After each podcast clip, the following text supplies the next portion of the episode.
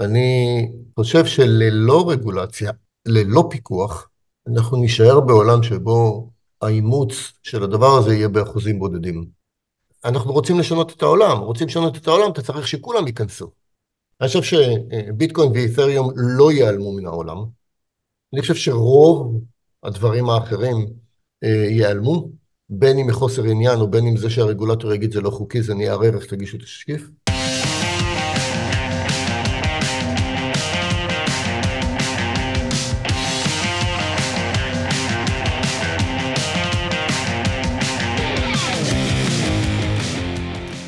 טוב, אז שלום לכולם וברוכים הבאים לפרק 46 של חופשי ומבוזר, פודקאסט על קריפטו, בלוקצ'יין וכלכלה חופשית. והיום אני שוב לבד, איציק עדיין במילואים. כולי תקווה שהוא יחזור בשבוע שבועיים הקרובים ואנחנו נחזור למתכונת מלאה של פרקים שבועיים ורעיונות וכל הדברים שאתם רגילים לשמוע. אבל היום יש לי אורח מאוד מאוד מעניין ומיוחד, וזה שי דתיקה. שי הוא מנכ"ל ומייסד בורסת ניירות הערך הדיגיטליים INX. דתיקה הוא גם אחד היזמים היותר ותיקים בתעשיית הפינטק והמסחר הישראלית.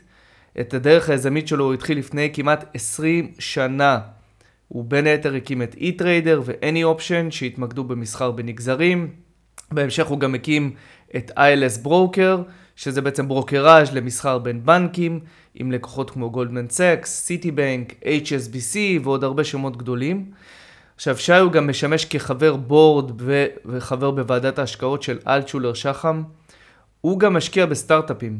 אה, השקיע גם בשלבי הסיד וגם בשלבים יותר מאוחרים, אז גם יש לו פרספקטיבה מעניינת מנקודת המבט הזאת, אז יש לו ככה all around 360 מעלות. ובאמצע 2017 הוא בעצם מקים את INX, ומאז הוא מוביל את החברה אה, כמנכ"ל וכאמור כמייסד. טוב, אז אנחנו בעצם דיברנו עם שי על INX, כמובן, על מה שהיא מציעה, על החדשנות שלה, על איזה חברות אה, מונפקות שם, למה שחברה תנפיק שם, איזה לקוחות יש להם, מה החזון של החברה, אה, מה היא בעצם מביאה to the table, מה שנקרא. דיברנו גם בהקשר יותר רחב על כל העולמות של Security Tokens, שזה ככה קצת עוף מוזר בנוף הבלוקצ'ייני.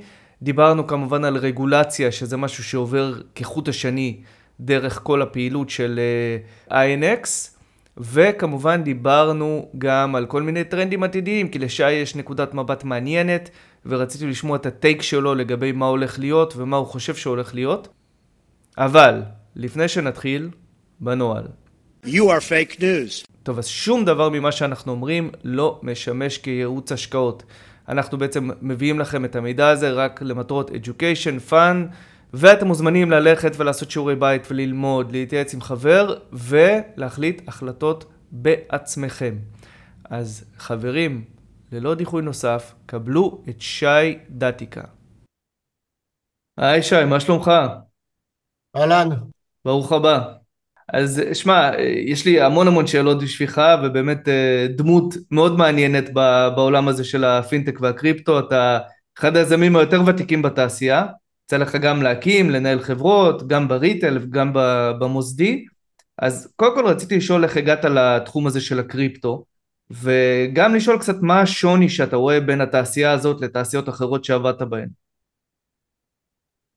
בגלל, כמו שאתה אומר, שאני מגיע מרקע רחב של פיננסים, שהוא החל מהנדסה פיננסית, מסחר, מערכות טכנולוגיות אה, ורגולציה, כשאני נחשפתי לקריפטו ב-2015 בערך, עדיין הייתי סקפטי, ב-2017 כשנחשפתי יותר לעומק, הבנתי שהדבר הזה הולך לעשות דיסטרפטיב, שינוי מהותי מה, מהבסיס לכל העולם הפיננסי שאנחנו מכירים. וזה עונה גם לשאלה השנייה שלך, מה שונה מדברים אחרים שעשיתי עד היום.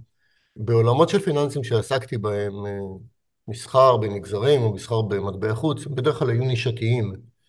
מעט אנשים, או קצת יותר אנשים, גופים אה, סוחרים בזה. ומה שאני ראיתי בקריפטו, שהדבר הזה הולך להיות אצל כל אחד מאיתנו. אצל כל אחד מאיתנו. אתה יודע, אני זוכר בתחילת שנות האלפיים, כשדיברו על, ה... על האייפון, כשהוא נחשף לראשונה, אז אמרו לסטיב ג'ובס, שאולי חמישה אחוז מהאוכלוסייה יעברו לסמארטפון עם מסך כמו שאנחנו מכירים היום. Mm-hmm. ואנחנו יודעים היום שאין אין, אין אחד שהוא לא מחזיק טלפון כזה. וזה מה שאני רואה בקריפטו. אני חושב שזה עניין של זמן עד שלמעשה כל הדאטה הפיננסי שלנו, כל הנכסים הפיננסיים שלנו, כל המסחר הפיננסי, יהיה מבוסס בלוקצ'יין. וכשאני אומר בלוקצ'יין צריך להבין שמבחינתי בלוקצ'יין זה לא ביטקוין, בלוקצ'יין זה לא אה, מסחר באת'ריום. בלוקצ'יין זה מסד נתונים אה, טכנולוגי, שאיך שדברים נשמרים ואיך שמידע זורם.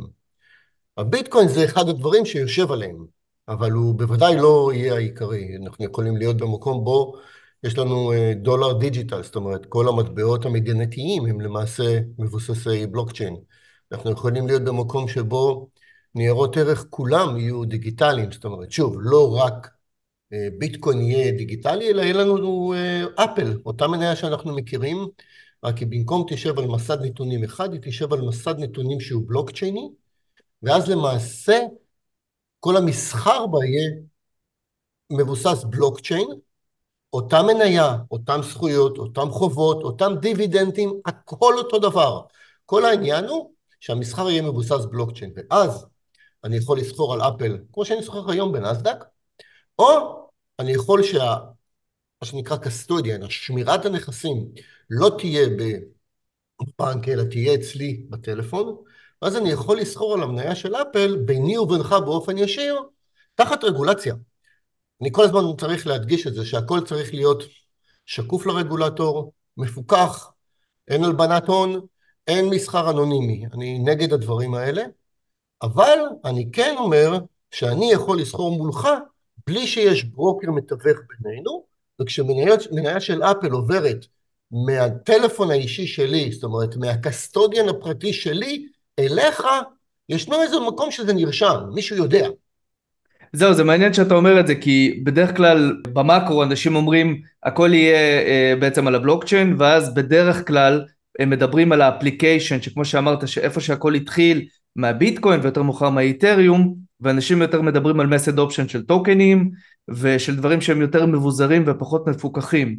ואילו אתה בעצם מציג חזון שהוא הרבה יותר, נקרא לזה שמרני ומיושב ומפוקח ורגולטיבי, ובעצם אתה אומר שלשם זה הולך. כלומר, אתה אומר שבעצם העולם שאנחנו מכירים היום, הפיננסי, ותכף אנחנו גם נצלול לכל הדברים האלה ונדבר על ה-NX, בעצם בלוקצ'יין יהיה המסד, התשתית של כל הדבר הזה, אבל לאו דווקא בשימושים שאנחנו מדברים עליהם היום ואיך שאנחנו מדמיינים את הבלוקצ'יין. לגמרי נכון, ואני אתן לך דוגמה שממחישה את זה. אם אני אזרום עם הדוגמה הקודמת, שאני מחזיק את מניית אפל אצלי, אה, ואני שומר אותה אצלי ולא בבנק, ואני מוכר אותה לך, ואני מעביר אותה בבלוקצ'יין. יכול להיות, או זה החזון שלי, ודרך אגב ככה INX פועלת, שמניית אפל יכולה לעבור מלקוח A ללקוח B, ובתנאי שלקוח A ולקוח B מראש רשומים אצל registrar, אצל רשם הנתונים. ודרך אגב, זה מה שקורה היום ב, ב, בעולם הפיננסי הרגיל. זאת אומרת, אתה לא יכול להעביר מניית אפל מלקוח א' ללקוח ב', בלי שיש לך חשבון בנק, וחשבון הבנק מפוקח, וחשבון הבנק הולך בסופו של דבר לאיזשהו גוף בארצות הברית, אם זה אפל במקרה הזה, שיודע מי מחזיק מה ומתי. אותו דבר, כשאתה תרצה לרכוש מניית אפל, אתה תצטרך ללכת לאיזשהו מקום ולהגיד, היי, שלום, אני ישראל ישראלי, ואני אלך ואני אגיד, אני ג'ו שמו, ושנינו נרשמים אצל הרג'יסטרר, נותנים תעודת זהות, יוטיליטי ביל, חשבון חשמל, יודעים מי אנחנו. once נרשמנו, אנחנו שמים את הארנק, ואז הארנק שלנו הופך להיות מה שנקרא white listed, הופך להיות ארנק מאושר. וברגע שהוא ארנק מאושר, מותר לו לקבל מניית אפל. ואז האח הגדול מלמעלה, ואין מה להיבהל מזה, יודע, הוא לא עושה בזה שימוש, אבל הוא יודע איפה נמצאת מניה, המניה מספר 485 בכל רגע נתון. כן, וגם יודע את האותנטיות שלה, וגם יודע שזה לא, כלומר, גם, גם אין פה double spending, כלומר שאין... שאין אין עכשיו... פה דאבל ספנדינג, ויותר מזה, יש פה 100% secure נגד סייבר, ונגד גניבה ונגד איבוד ארנק. כי אם אני יודע שלחברת אפל יש מיליארד מניות, ומספר 485 ו-486 יושב אצל שי, איבדתי את הארנק, איבדתי את הסיסמה, אני הולך לרשם הנתונים, מזדהה, הוא רואה שבאמת זה היה אצלי, הוא עושה להם delete ונותן לי שניים חדשים. אין עניין של עיבוד. עכשיו, גם לא צריך להיבהל מהעניין של אה, כולם יודעים. לא. גם היום, אם יש לך חשבון בבנק הפועלים ויש לך 100 אלף שקל בבנק ואתה מחזיק מניה של אפל, הבנק יודע. ובצו של בית משפט זה גם יימסר לרשויות. לכן השיטה אמורה להיות אותו דבר. יש מקום שזה רשום וידוע, זה עדיין לא אומר שעושים בזה שימוש. יעשו בזה שימוש הרשויות רק תחת צווים של בתי משפט. הדבר הזה פותר את הכל, ושוב, זו הבטחה של 100%, כי כמו שאמרתי, אם זה הולך לאיבוד, זה רשום איפשהו, ומנפיקים לך חדש. ברור. אז אנחנו עוד נדבר על זה ועוד נצלול ונדבר בכלל מה זה Security Tokens ו- ו- ואיך עובדים איתם כי זה תחום מאוד מעניין ותכף גם אני אביא קצת נתונים לגבי השנה החולפת אבל בוא נדבר רגע על INX. אוקיי, INX באמת אה, חברה שהיא ככה מאוד בולטת בנוף הישראלי בעיקר, כן, אבל כמובן שזו חברה שהיא גם רגולטת בארצות הברית ויש לה פעילות שהיא יחסית די חדשנית כמו שאתה מציג את החזון הזה שהוא יותר רחוק מהעולמות של ה-DeFi וה, וה, והטוקנים הרגילים ויותר בעולם הרגולטיבי והמוסדי אז בוא תספר לי קצת מה אתם עושים. החזון שלנו הוא אה, אה, כזה שאנחנו אומרים שבסופו של דבר ניתן ל, לרשום בצורה של נכס דיגיטלי כל דבר שכיר. כל דבר שכיר זה יכול להיות אה, נייר ערך, כמו שאני נותן את הדוגמה על אפל בשיחה הזאת מספר פעמים. זה יכול להיות מטבע, דולר, זה יכול להיות שקל דיגיטלי, זה יכול להיות אה, טוקניזציה של אה, נכסים אחרים. אה, זה יכול להיות, למשל אנחנו מדברים היום עם אחת מקרנות ה-Private Equity הגדולות בעולם, ו-Private Equity זה סוג של נכס שלמעשה חשוף היום רק ללקוחות כשרים, ובעיקר למוסדיים, לקרנות גדולות, לקרנות פנסיה, חברות ביטוח. וזה נכסים שהם לא שכירים, בדרך כלל לעשר שנים, אתה שם כסף אצל גוף, והוא עושה עם זה כל מיני דברים, קונה נדל"ן, קונה זה, יש להם בדרך כלל תשואות אה, של אה, בממוצע 4-5 אחוז מעל השוק השכיר. ולי ולך הנכס הזה לא חשוף. לא, לא ממקום רע, אני לא מעביר את זה כביקורת, אלא כעובדה. גם עניינים רגולטוריים, אבל בעיקר עניינים שזה אלה גופים שכשהם מגייסים מיליארד דולר לקרן, אז הם לוקחים מעשרה גופים, כל אחד מאה מיליון, ולא באים להתחיל לנהל אה, מישהו... הם, הם לא רוצים להתעסק באינבסטור ריליישנס עכשיו של אה, ריקי כהן אה, מחדרה. לא, להתעסק עם כל אחד עם מאה שקל וכזה. ברגע שאני לוקח את הדבר הזה ואני עושה לו מה שנקרא tokenization, אני לוקח את אותה קרן ואני הופך אותה להמון המון חלקים קטנים, וכל אחד, כל חלק הזה, נניח מיליארד דולר, ואני עושה סליחה, מיליון חתיכות של אלף דולר כל אחת, ואני שם את זה על הבלוקצ'יין.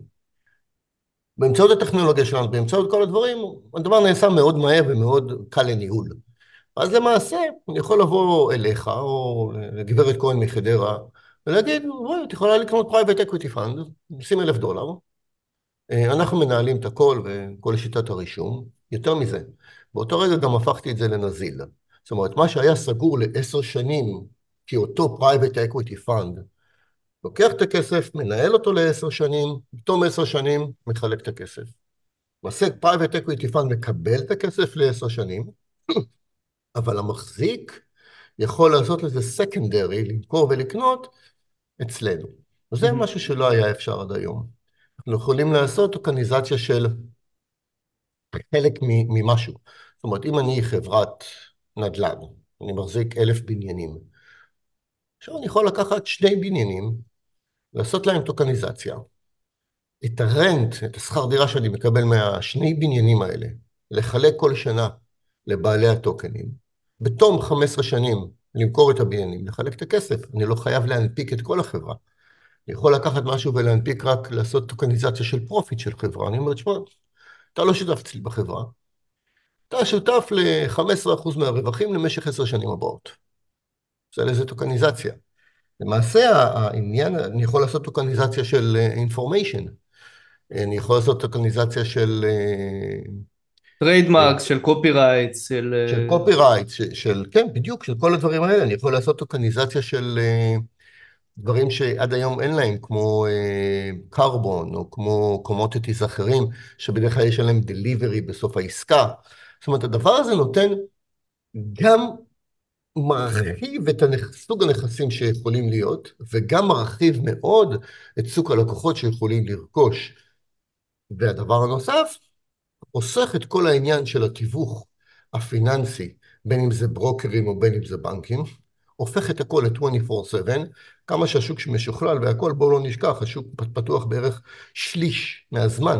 זאת אומרת, הוא פתוח שני עד שישי, או ראשון עד חמישי בישראל, מ-10 עד, מ-9 עד 4, כן. לא פתוח בחגים, זה, תעשה ממוצע זה שליש מהזמן. אנחנו מאפשרים מסחר 24/7. לא, לא כולל דאונטיים, כן? של כל מיני סיבות כאלה. לא כולל דאונטיים, כן. אה, אה, אתה יודע, היפני שרוצה לסחור צריך אה, לקום ולסחור בזמן ארה"ב. יש משהו שהוא, הוא, הוא, זה בעיניי העולם הבא. ולכן כשאמרתי בהתחלה שזה דיסטרפטיב, זה מהפכה, זה מה שאני מתכוון.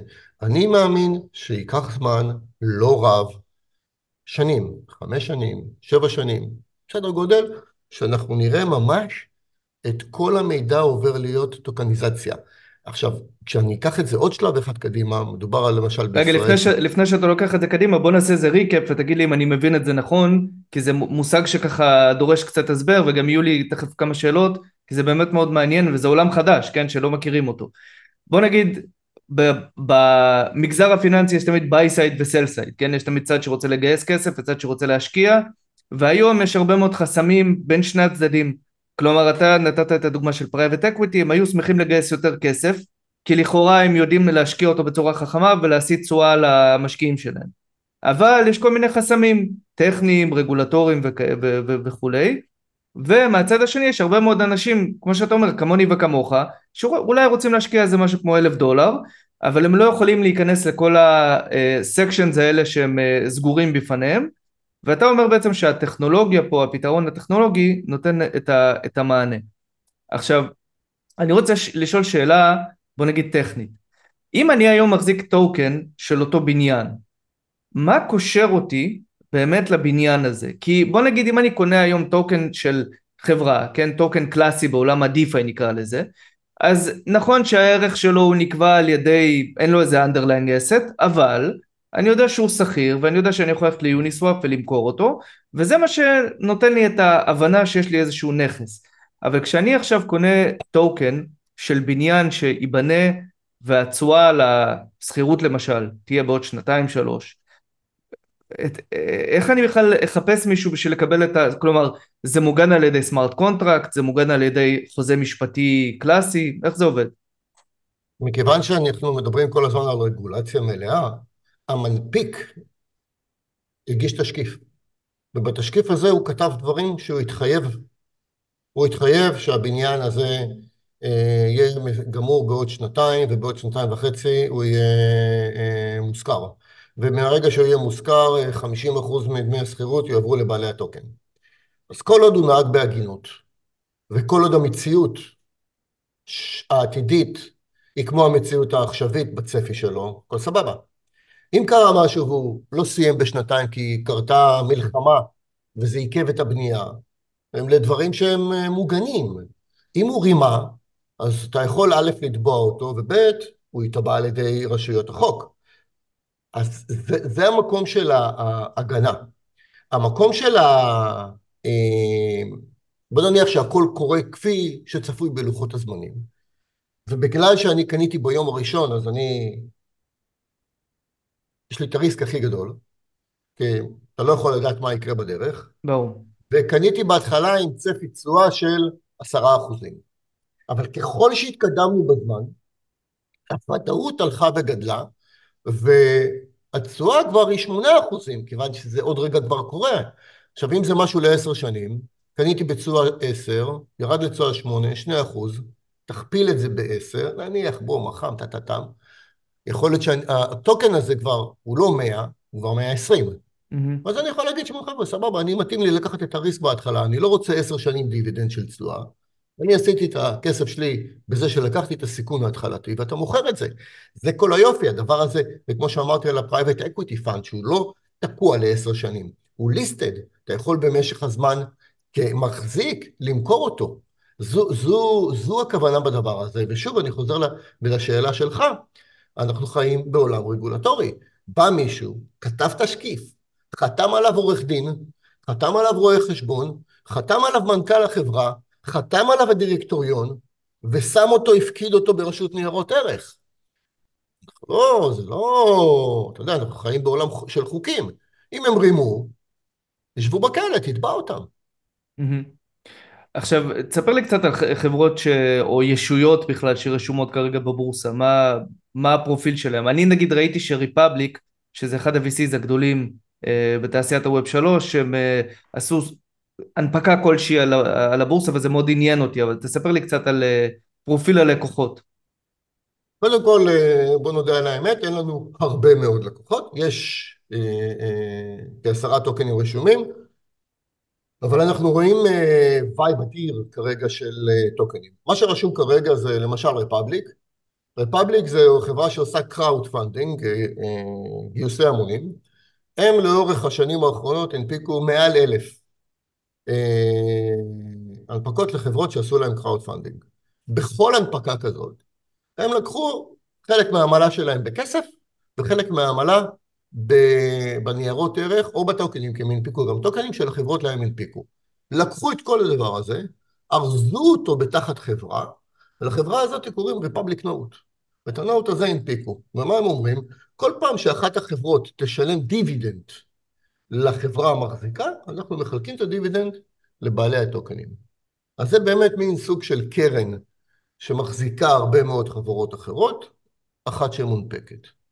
יש את הטוקן שלנו, שאנחנו חברת מסחר, מונפק. יש אה, טוקן של SPiCE VC, שזו קרן אה, VC, אה, קרן השקעה בחברות. יש טראק, טראקפל, זו חברת משאיות סינית, שדרך אגב כבר חילקה דיבידנד. מי שמחזיק את הטוקן, קיבל דיבידנד מהחברה והוא דווקא עובד שם לא רע. Mm-hmm. אנחנו היום אה, מדברים עם אה, חברה שעושה טוקניזציה של סחורות שאינן סחירות בבורסות, כמו קרבון. טריליון דולר game. אנחנו מדברים עם חברה ש... של private equity fund, להנגיש קרנות סגורות לציבור retail. לנו זרוע שעושה CBDC, Central Bank Digital Currencies, כן. מטבעות לבנקים מרכזיים. כן, דיברנו על זה באריכות בפודקאסט. כן, אז אנחנו היום, אה, אני מקווה שתוך חודשיים נתחיל איזשהו טסט, אה, טסט, אה, משהו שעובדים עליו שנה, כזה טסט, עם, עם חברה, עם מדינה מאוד מעניינת. אלה סוגי החברות שנמצאות. תגיד, ואם אני עכשיו משקיע בבורסה, אז אני יכול להשקיע רק בפיאט, או שאני יכול להשקיע גם בקריפטו? כלומר, האם אני יכול לקנות טוקן של נגיד חברת המשאיות הסינית הזאת, בביטקוין או באיתריום, או אולי במטבעות אחרים? בואו נפר את זה לשתיים. אתה יכול לקנות רק בדולר, אתה יכול להפקיד מה שאתה רוצה. אני אסביר. על פי חוקי הרגולציה האמריקאית, ניירות ערך אמריקאים נסחרים רק מול דולר. גם בנסדק, אתה לא יכול לקנות אפל אה, אה, אה, או טסלה ביורו או בין, אתה חייב לקנות בדולרים. Mm-hmm. אתה כן יכול להפקיד בבנק יורו, להמיר את היורו לדולר ולקנות טסלה. Mm-hmm. אצלנו קצת יותר משוכלל. אתה יכול להפקיד אצלי מה שאתה רוצה. ביטקוין, את'ריום ועוד שלל מטבעות אחרים. להמיר את זה ב exchange שלנו שערי שוק, לא, אין שם עמלה של, אתה יודע, 0.1 או משהו, mm-hmm. בלי מרווחים, בלי כלום, תגיד מה שאתה רוצה, תמיר לדולרים, תקנה. הכל במקום אחד. ו- ולכן גם יש לכם exchange, נקרא לזה Centralized Exchange קלאסי. יש לנו exchange, יש לנו שני אקסצ'יינג'ים שהם למעשה מחוברים לאחד, אה, אנחנו קוראים לו INX1, ששם אתה יכול לסחור גם בקריפטו וגם את ה-Security Tokens. הדבר משול לזה שאתה נכנס לבנק, אה, לאתר של הבנק אונליין, אתה יכול לסחור בתל אביב, אתה יכול לסחור בנסדק, ואתה יכול לסחור ב... בפיוטרים ואופציות, שזה למעשה שלוש בורסות שונות, אבל בכל אתה סוחר תחת מקום אחד. בפלטפורמה אחת, כן. כן. אה, עכשיו תספר לי קצת על החברה, כמה גייסתם, אני יודע ש, שהיו כמה סבבים וגם אה, לפי מה שהבנתי אה, הייתה לכם הנפקה בניאו, כן? אני גם אשמח, אשמח לשמוע על זה. אז כמה גייסתם ובאיזה דרכים? המימון הראשוני היה מימון של מי שייסד את החברה. גייסנו משהו כמו שישה, שבעה מיליון דולר, אל תתפוס אותי במילה, בערך. אה, ואז אה, יצאנו, הגשנו אה, תשקיף להנפקה של הטוקן בארצות הברית, גייסנו תחת הדבר הזה 85 מיליון דולר, ומעט אחר כך רשמנו את המניה למסחר, את המניה, לא את הטוקן. בקנדה, כן. וגייסנו תחת התשקיף בקנדה עוד 30 ומשהו מיליון דולר. אוקיי, מעולה. אז תגיד לי, אז בהמשך לזה, דיברת קצת על הרגולציה, ועכשיו אתה סיפרת גם ש, שאתם בעצם הונפקתם כ, כחברה ציבורית, והמניות שלכם נסחרות, עשיתם איזשהו מסלול שהוא ככה לא שגרתי, כן? רוב חברות הקריפטו, בלוקצ'יין, ווב שלוש, קודם כל רצות קדימה, אתה יודע, move fast and break things, ואז מתחילות לחשוב על רגולציה אם בכלל, כן? אתם מהאינספשן בעצם התחלתם לחשוב על הרגולציה ובניתם את כל התשתית הרגולטורית וגם את התשתית התאגידית נקרא לזה של החברה והפעילות התפתחה תוך כדי אז, אז תספר לי קצת על ההחלטה הזאת זה לא, לא החלטה שגרתית אה, לטובה ולרעה דרך אגב. אה, כן, לשם, לשם אני מוביל, כן. אה, אני חושב שה... מעט שיער ומה שיש לבן שנשאר, הוא זה שהוביל אותי לזה. אני, יש לי קצת, יש לי ניסיון בהקמת סטארט-אפים. אחד היתרונות שכשאתה יזם צעיר, זה שאתה לא יודע הכל. יש לך הרבה passion, אבל אתה לא יודע הכל. אה, ואז אתה מקים. אה, בוא נעשה ככה, בוא נעשה ככה, ומתחיל לבנות ולבנות, ואחרי שנה, או אחרי חצי שנה, או אחרי שנתיים, אתה מקבל איזשהו מכתב מאיזה רגולטור, או מאיזה עורך דין, או מאיזה משהו, או שאתה צריך להתחיל לשלם מס, ואתה מתחיל לבנות מסודר. ובגלל הניסיון, אמרתי בוא נעשה את זה מסודר מההתחלה. לפני שהקמנו, הלכנו לרשות ניירות ערך אמריקאית. הלכנו ל-17 משרדי עורכי דין ורואי חשבון. בנינו את הסטרקצ'ר המיסויי, הרגולטורי, הכל בנינו נכון. היתרון של זה, זה שאנחנו נקיים כמו תחת של תינוק. מסודר, מדווח, נקי. אני חושב שאנחנו החברה היחידה בארצות הברית שלא קיבלה איזה מכתב נו נו נו, או תביעה מהרשויות האמריקאיות. החיסרון של זה, שזה הרבה יותר איטי. אני קודם כל מקיא הרבה כסף כדי לבנות את המבנים נכון. לבנות מבנה נכון ולקבל רישיונות אמריקאים זה תהליך של שנים. ואז למעשה אתה מקיא הרבה כסף על עובדים, על אופרציה,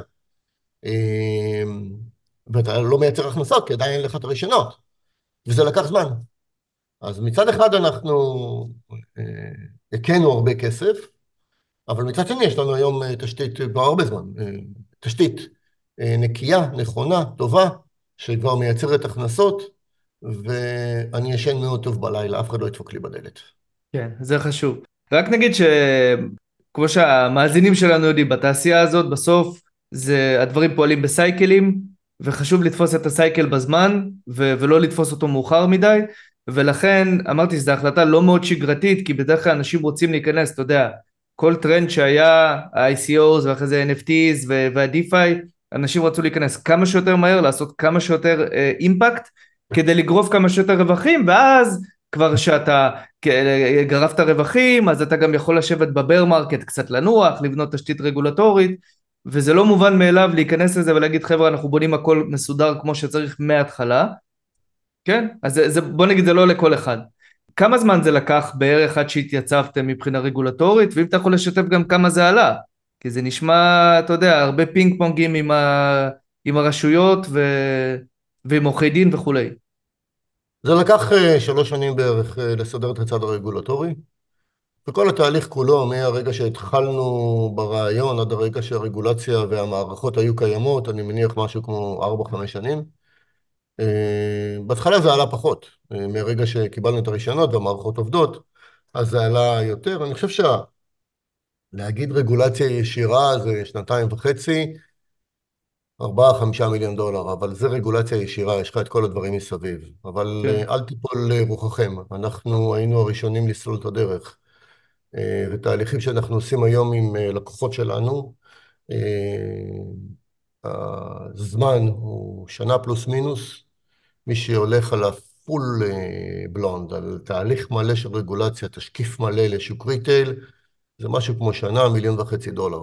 אם מישהו הולך לתהליך מקוצר, ויש דברים מקוצרים בארצות הברית, אתה יכול לעשות הנפקה מוגבלת בסכום, או כל מיני כאלה, אתה יכול גם להיות בשלושה עד שישה חודשים, וסכומים של 150 עד חצי מיליון דולר, תלוי באיזה מסלול אתה הולך. אז שוב, אם אתה הולך למסלול הכי מקוצר, שמגביל אותך בכמות הכסף שאתה יכול לגייס וסוג הלקוחות, ייקח לך שלושה חודשים 150 אלף דולר. בדרך יש כמה תחנות, עד התחנה האחרונה, שזה בלי הגבלה. גברת כהן מחדרה, תגייס מיליארד דולר. כן. אה, זה יעלה לך מיליון פלוס, ייקח לך שנה פלוס מינוס. כן. אתה יודע, בדרך כלל כשאומרים לין סטארט-אפ אז מדברים uh, על הצד הטכנולוגי, אבל גם בצד הרגולטורי אתה תמיד צריך לבחור במה אתה מתפקס וכמה אתה רוצה לפתוח את הסקופ לדברים עתידיים, אז כמו שאתה אומר זה, זה החלטות שמצד אחד אתה יכול לעשות מהר מאוד, אבל אז זה יגביל אותך בעתיד ואתה תהיה בשירות מאוד צר, או שאתה יכול ללכת על כל הקופה כמו שאתה אומר, ואז אתה באמת תוכל להציע את כל העולם ומלואו מבחינת אה, שירותים פיננסיים. מעניין מאוד. אז בוא, בוא, בוא נדבר קצת על העולם הזה של ה-Security Token, זה קצת עוף מוזר, כן? כי כמו שאתה אומר, הכל התחיל מביזור מלא ואנונימיות ו- ואף אחד לא צריך לדעת מה יש לי בארנק ומה הארנק שלי בכלל, ואני יכול להחליף טוקנים אה, ולקנות טוקנים שהם בכלל, אתה יודע, אה, רק צצו, כן, וכבר הם, אה, הם, הם ממריאים למעלה והם רשומים רק ב DEXים וכולי, ולתוך העולם הזה נכנס כל ה-security tokens, שפה אני צריך לעבור KYC כמו שאתה אומר, אני צריך להירשם אצל איזשהו registrar, ועוד ועוד ועוד, כן, ו- וכולם יודעים מה אני מחזיק גם. אז אני אשאל אותך ככה... לא, מי זה כולם? מי זה כולם? הרשויות. הרשויות. אה, הרשויות לא ממש יודעות מה אתה מחזיק, יש איזשהו registrar, יש מרשם נתונים שיודע מה, מה אתה מחזיק, לא, לא המדינה. כן, אבל ברצותם... בבנק אתה מחזיק כסף, הבנק יודע מה אתה מחזיק, לא המדינה. אם המדינה רוצה לדעת מה אתה מחזיק, היא צריכה להוציא צו לבנק. נכון. אבל בוא, בוא, בוא נגיד ככה, אתה יודע, אפשר לשאול שאלה ואני פה מאתגר אותך קצת. אם אני בתור משקיע צריך לעבור תהליך KYC ואני צריך להירשם והמידע שלי שוב הוא לא חשוף אולי from the get go אבל עם איזשהו צו בית משפט אפשר לדעת מה אני מחזיק ו- ובאיזה מקומות. ואם אני צריך לשים את זה אצל custodian כן שהוא centralized אז מה אתה יודע איך אומרים מה הועילו חכמים בתקנתם? אני חוזר לאותו עולם הריכוזי אז בסדר אז העסקה נרשמת על הבלוקצ'יין ומה זה עוזר לי כן כמשקיע? אנחנו רצינו חז... חזון, ואני בכוונה ככה שואל אותך בצורה קצת פרובוקטיבית, חזון decentralized, ואתה מביא לי פה את כל הדברים של העולם הישן, מה, מה זה שווה לי בכלל? אה, שאלה מצוינת, נתקל בה לא מעט.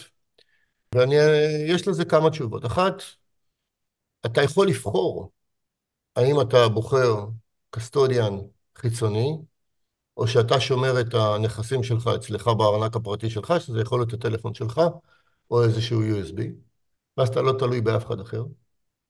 הדבר השני זה, אתה פתוח למסחר 24/7, אתה לא נעול למסחר רק בבורסה, אתה יכול אה, למכור את זה לחבר שלך בבית קפה, יש לך אפס עמלה, אפס זמן. והדבר האחרון זה אה, העלויות. ברגע שאתה מעביר אה, נכס על הבלוקצ'יין, אין לך דמי שמירת ניירות ערך, העמלה שלך היא הרבה הרבה יותר זולה מאשר תיווך פיננסי של בנק, או של ברוקר בארצות הברית, או ברוקר בישראל, והזמינות היא 100%. אני חושב שללא רגולציה, ללא פיקוח, אנחנו נישאר בעולם שבו האימוץ של הדבר הזה יהיה באחוזים בודדים. כי הרבה מאוד אנשים לא ייגשו לזה אם אין ביטחון של 100%. כן, בין, היתר בגלל מה שדיברנו עליו, שאם אני רוצה שיהיה לי את הביטחון שאני בסוף אקבל את הדיבידנד למשל שהבטחת, בעוד שנתיים, שלוש, כשהבניין הזה ייבנה, אני חייב איזשהו framework רגול, רגולטורי ומשפטי שיבטיח לי שזה יקרה. כלומר, זה לא יכול נכון. לעבוד על חוזים חכמים כי זה בניין פיזי שנבנה, כן? ומישהו צריך לאשר שהוא נבנה. יותר מזה, לא רק אני ואתה כפרסונות בודדות, אלא גם קרן הפנסיה שלך לא תרגיש בטוח לסחור במקום, אולי אפילו הנהלים, הרגולציה הפנימית, תאסור עליה לסחור במקום שאינו בטוח ב-100%. ואז למעשה מדיסטרפטיב שאנחנו רוצים לעשות, אימפקט, רוצים לשנות את העולם, פתאום אתה לא תזהה כי אתה לא בטוח, והקרן פנסיה לא תיכנס, וקרן נאמנות לא תוכל להיכנס. אז פתאום, במקום להיות נגיש ל-100% מהקהל, אנחנו נהיה נגישים ל-5% מהקהל. אנחנו רוצים לשנות את העולם, רוצים לשנות את העולם, אתה צריך שכולם ייכנסו. ברור. רק ניתן קצת נתונים, אז אה, בדיוק עכשיו התפרסמו כל הדוחות של סוף שנה של 2023, אז למשל קוינפידיה פרסמו ששוק הנגזרים, ה token asset גדל ב-700% במהלך 2023, קוינבייס research פרסמו שה treasuries שעברו טוקניזציה צמחו פי שישה, עכשיו ראינו את ג'יי פי מורגן בדיוק באוקטובר, הקשב שלנו לא היה לזה, כן, אבל ג'יי פי מורגן פרסמו אה, בעצם הציגו את הפלטפורמה שלהם לטוקניזציה, שבלק רוק כבר הביעו איזושהי נכונות uh, להתחבר אליה, אז העולם הזה is picking up, אז איפה אנחנו נהיה עוד חמש שנים לדעתך בתמונה הרחבה יותר? איפה זה יתפוס אותנו, הטוקניזציה? אני חושב שזה לא יהיה יותר פי שש, זה יהיה פי ששת אלפים. הפי שש הוא מאוד מטעה. אם uh, היינו במקום שבו השוק הזה היה שווה 100 מיליון דולר, ועלינו מ-100 מיליון דולר ל-600 מיליון דולר פי שישה, אז uh, נשמע יפה פי שישה. אבל זה מ-100 ל-600, ואנחנו מדברים על שווים של טריליונים בשוק השכיר.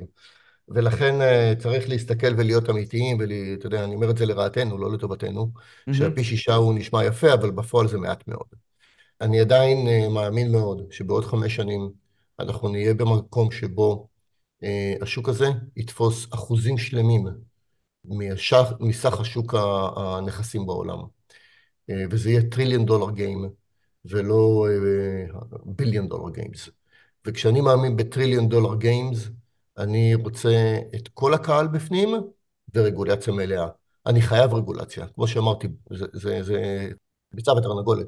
בלי רגולציה מלאה, שחקנים לא ייכנסו. בלי רגולציה מלאה, יהיו רמאויות, וכל האנשים, גופים שתמיד נמשכים לכסף קל ואיפה אפשר לרמות, אתה תמצא אותם שם. ברגע שתהיה רגולציה, הם לא יהיו שם. וזו המטרה. יש לי שאלה אליך, אה, טוקניזציה בכלל, אבל גם טוקניזציה real world assets, בסופו של דבר היא, היא לא יודעת גבולות. כלומר, אני יושב בישראל ואני קונה עכשיו טוקן של חברה שנסחרת בבורסה בארצות הברית ועשו לה תהליך של טוקניזציה, או שאני קונה מוצר של, כמו שאתה אומר, כל מיני מוצרים מורכבים שעכשיו VC ארז את הסך הפורטפוליו שלו וכו' וכו' וכו'. בסוף אני יושב בישראל, ונוסיף לזה עוד דברים לקלחת, כן? עושים עכשיו טוקניזציה של commodities במדינות מתפתחות, ושל נדל"ן במדינות מתפתחות. בקיצור, יש פה סלט שאתה יכול, אתה יודע... גם עושים היום, לא נגענו בזה, אבל יש הרבה היום איגוח. גם של חברות וגם של בנקים, וגם של מדינות. רק נגיד איגוח, איגוח זה בעצם גיוס הון על ידי חוב, כן, איגרת חוב, כן. שאני בעצם מנפיק את החוב שלי בצורה של טוקן. אבל השאלה כן. שלי, זה איך אפשר לעשות רגולציה, שרגולציה מטבעה בסוף היא אה, ב jurisdiction של מדינה מסוימת. איך אתה עושה רגולציה שהיא across the board, זאת אומרת איך אני כישראלי, ישראל זה עוד קל כי אנחנו 51st state, כן? אבל אני יושב בסרי לנקה ואני קונה טוקן, איך אני בכלל, אה, חלה עליי הרגולציה האמריקאית לצורך העניין של ה-VC הזה שהנפיק את הפורטפוליו שלו? בעולם גלובלי, זאת אומרת, כאשר אה, חברה אמריקאית אה, מנפיקה, או חברה, לאו דווקא אמריקאית, מנפיקה תחת רגולציה אמריקאית, אז חלים עליה החובות האמריקאיות. אם אני יושב בישראל או בקונגו וקניתי את הטוקן של אותה חברה שהנפיקה בארצות הברית, חברה חשופה לרגולציה האמריקאית, ואז אתה יכול לתבוע אותם בארצות הברית. המקום הכי קשה בעולם לתביעה, כי שם כשמישהו עושה עבירה, הוא לא מקבל שלושה חודשים אה, נו נו נו ומאה שקל קנס, הוא מקבל 15 שנים בכלא mm-hmm. ומיליארד דולר קנס. לא הייתי מציע למישהו להתעסק עם הרשויות האמריקאיות. כן, אוקיי, fair enough. אז בואו נדבר קצת על רגולציה בהקשר היותר רחב. אז אנחנו ראינו בשנה האחרונה ש-SEC נכנס ב-200 קמ"ש בקוינבייס ובקראקן וכמובן בבייננס, כן? לאן... מאוד נדייק בבייננס US. נכון, בבייננס US, למרות שהאדוות של הדבר הזה משליכות גם על חברת האם. אז דווקא אתה, כ... אתה יודע, מאמין מאוד ברגולציה, ואני חושב שיצרת את זה. בדקות האחרונות, וגם כמי שמכיר את הרגולטורים האמריקאים, מה לדעתך ה end game? כלומר, בייננס US זה שחקן שאפשר to single out ולהגיד שהוא באמת עשה דברים שהם חורגים מהתחומים האלה, אבל קוינבייס למשל, שטוענים, חבר'ה, אין בכלל רגולציה מוסדרת למה זה venue למסחר. אני חושב שביטקוין ואת'ריום לא ייעלמו מן העולם.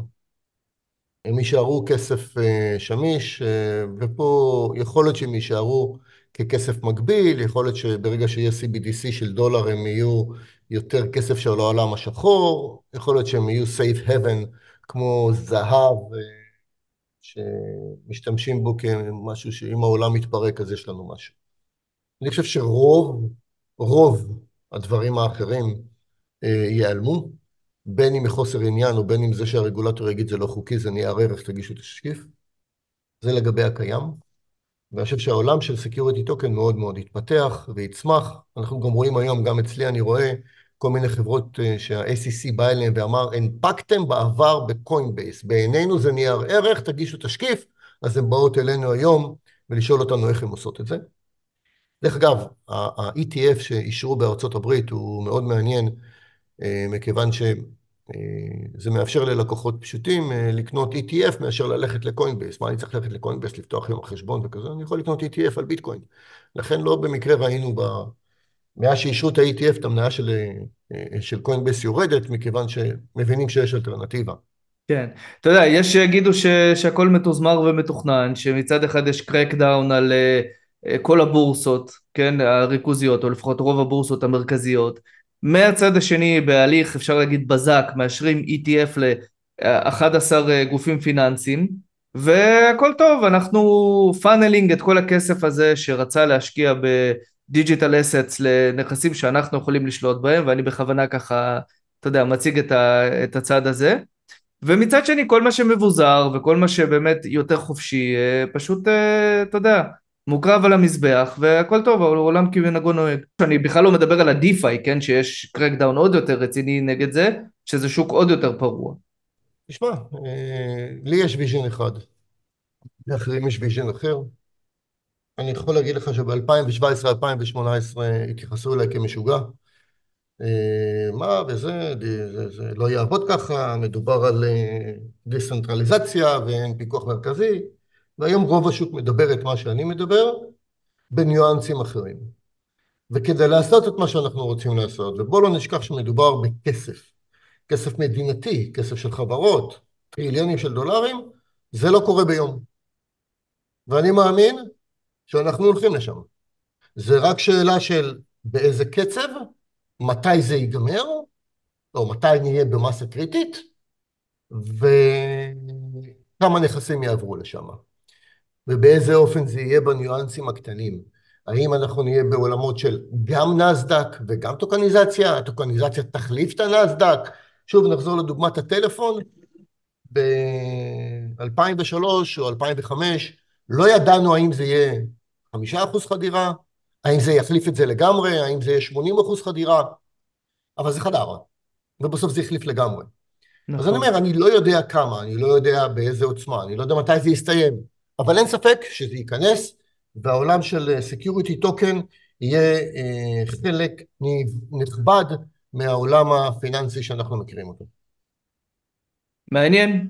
אז ככה לסיום, כי אנחנו מתקרבים לסיום, אני רוצה לשאול אותך שאלה, כי הזכרת את ה-CBDC, באמת שלא חשבתי לשאול על זה, אבל תוך כדי שאנחנו מדברים, בהנחה שעכשיו בעוד איקס שנים כולנו נעבור לשקל הדיגיטלי והדולר הדיגיטלי והבריקס יהיה להם מטבע משל עצמם וכו' וכו', יש, יש איזה כל מיני רמות ודיברנו על זה באריכות בפודקאסט, המאזינים שלנו מכירים את זה.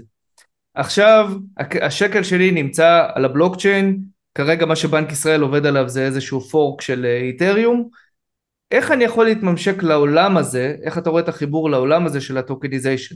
זאת אומרת, אמור, זה אמור להיות עוד יותר קל בשבילי לקנות ניירות ערך דיגיטליים ולהשקיע בכל, ה, בכל האפיקים האלה, נכון? כן, אני חושב שזה אימוץ, שיהיה אימוץ אה, אה, בחלקים. בדיוק כמו שלאימא שלי אה, היה יותר קשה להשתמש בטלפון שהוא מסך ואין זה. אותו דבר, אנחנו נראה חלקים שמאמצים את זה יותר מהר, יותר גופים, מקצוענים, יותר הדור של עד גיל, הילדים שלי, 20, 30, 40, ואנחנו נראה את זה לאט לאט נכנס. גם כשאנחנו מדברים היום עם בנקים על CBDC, אז uh, הם uh, לא אומרים, אוספים את כל השטרות ואת כל המטבעות ורק CBDC. מחפשים שילוב של השניים, וכל הזמן מעברים ביניהם. יכול להיות שאני אשתמש בשטר כסף, והבן שלי ישתמש ב-CBDC. ויכול להיות שפתאום גם נצטרך בגלל דברים מסוימים לעשות החלפה. אני, ששילמתי ב-CBDC, אני מקבל עודף בכסף. אז איך מייצרים את ההחלפה? וזה אתגר, לייצר עולם שהוא בהתחלה גם וגם. הוא לא מחליף. אה, וייקח זמן אה, עד שזה יחליף לגמרי, וזה יחליף. אגב, זה לא רק השקעה בכלים פיננסיים מורכבים, כן? זה גם אם יש לי עכשיו איזה 50 אלף שקל ששמרתי בצד, יש לי הרבה יותר אפשרויות להלוות אותם ולהשקיע אותם בכל מיני אפיקים אחרים, אפילו פקדונות יחסית פשוטים, שהעולם הזה יפתח לנו ש... שלא חשבנו עליהם היום. זה מה שאני אמרתי, הקהל מתרחב. ברגע שאני מייצר כלי ואני פונה רק למשקיעים כשירים, מתוחכמים וקרנות, אני לא פונה ל retail clients, לשוק קמעונאי.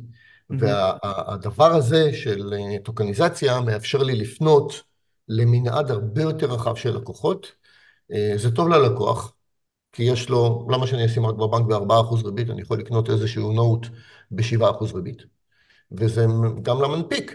למה שהוא פונה, יש לו קהל שיכול להשקיע 100 מיליון דולר מחמש קרנות, עכשיו יש לו עוד ריטל שיכולים לשים עוד 100 מיליון דולר. זה משכלל את השוק, זה טוב לכולם. ברור. טוב שי, נראה לי שאנחנו uh, נצטרך לעשות איזה זום אין על העולם הזה של הטוקניזציה, כי זה עולם מרתק ואנחנו פחות דיברנו עליו, ואני בטוח שחלק מהמאזינים ישמעו ויגידו, איך הוא אומר דבר כזה שכל המטבעות האלה ייעלמו, ויש כאלה שישמעו ודווקא יסכימו איתך, אבל אני חושב שהיה דיון מאוד מעניין. כל הג'אנק ייעלם משתי סיבות, רגולציה, חוסר מסחר ואלטרנטיבה. אבל אני אתייחס לזה פעם אחרת, כמו שאתה אומר. כן, אז, אז באמת מרתק, תודה רבה שי, ואני מניח שזה יפתח את התיאבון ואת הדמיון לאנשים ללמוד ולהעמיק על זה. איפה, איפה אפשר uh, לקרוא על זה? אני יודע שאתה גם פעיל ברשתות החברתיות, ואפשר, uh, אתה גם מפרסם הרבה. INX גם יש לה פעילות מאוד יפה, אתם גם עושים כנסים. אני מציע לכולם באמת לקרוא. לקרוא, לקרוא, לקרוא, לקרוא, לקרוא, טוויטר. טוויטר זה העולם שלנו. אוקיי, מצטרף להמלצה, ושם אני גם... גם קורא ומשכיל. אה, שי, תודה רבה. תודה רבה רבה לך, שיהיה המשך יום נעים. טוב, אז עד כאן הראיון הזה עם שי, באמת אה, תודה רבה, היה מרתק לדעתי. חברים, אני מזכיר לכם, אנחנו זמינים בכל הפלטפורמות, בספוטיפיי, בגוגל פודקאסט, כל עוד יש גוגל פודקאסט, באפל אה, פודקאסט, באמזון מיוזיק ובעוד ועוד ועוד פלטפורמות, כמובן גם ביוטיוב. וכמובן שיש לנו uh, קבוצה בטלגרם, שאנחנו מעלים אליה את הפרקים ומנהלים שם דיונים. יש לנו גם פרופיל לינקדאין פעיל וטוויטר. מוזמנים לדבר איתנו בכל אחת מהפלטפורמות האלה, לעקוב, להתעניין. וזהו חברים, תודה רבה ונתראה בפרק הבא.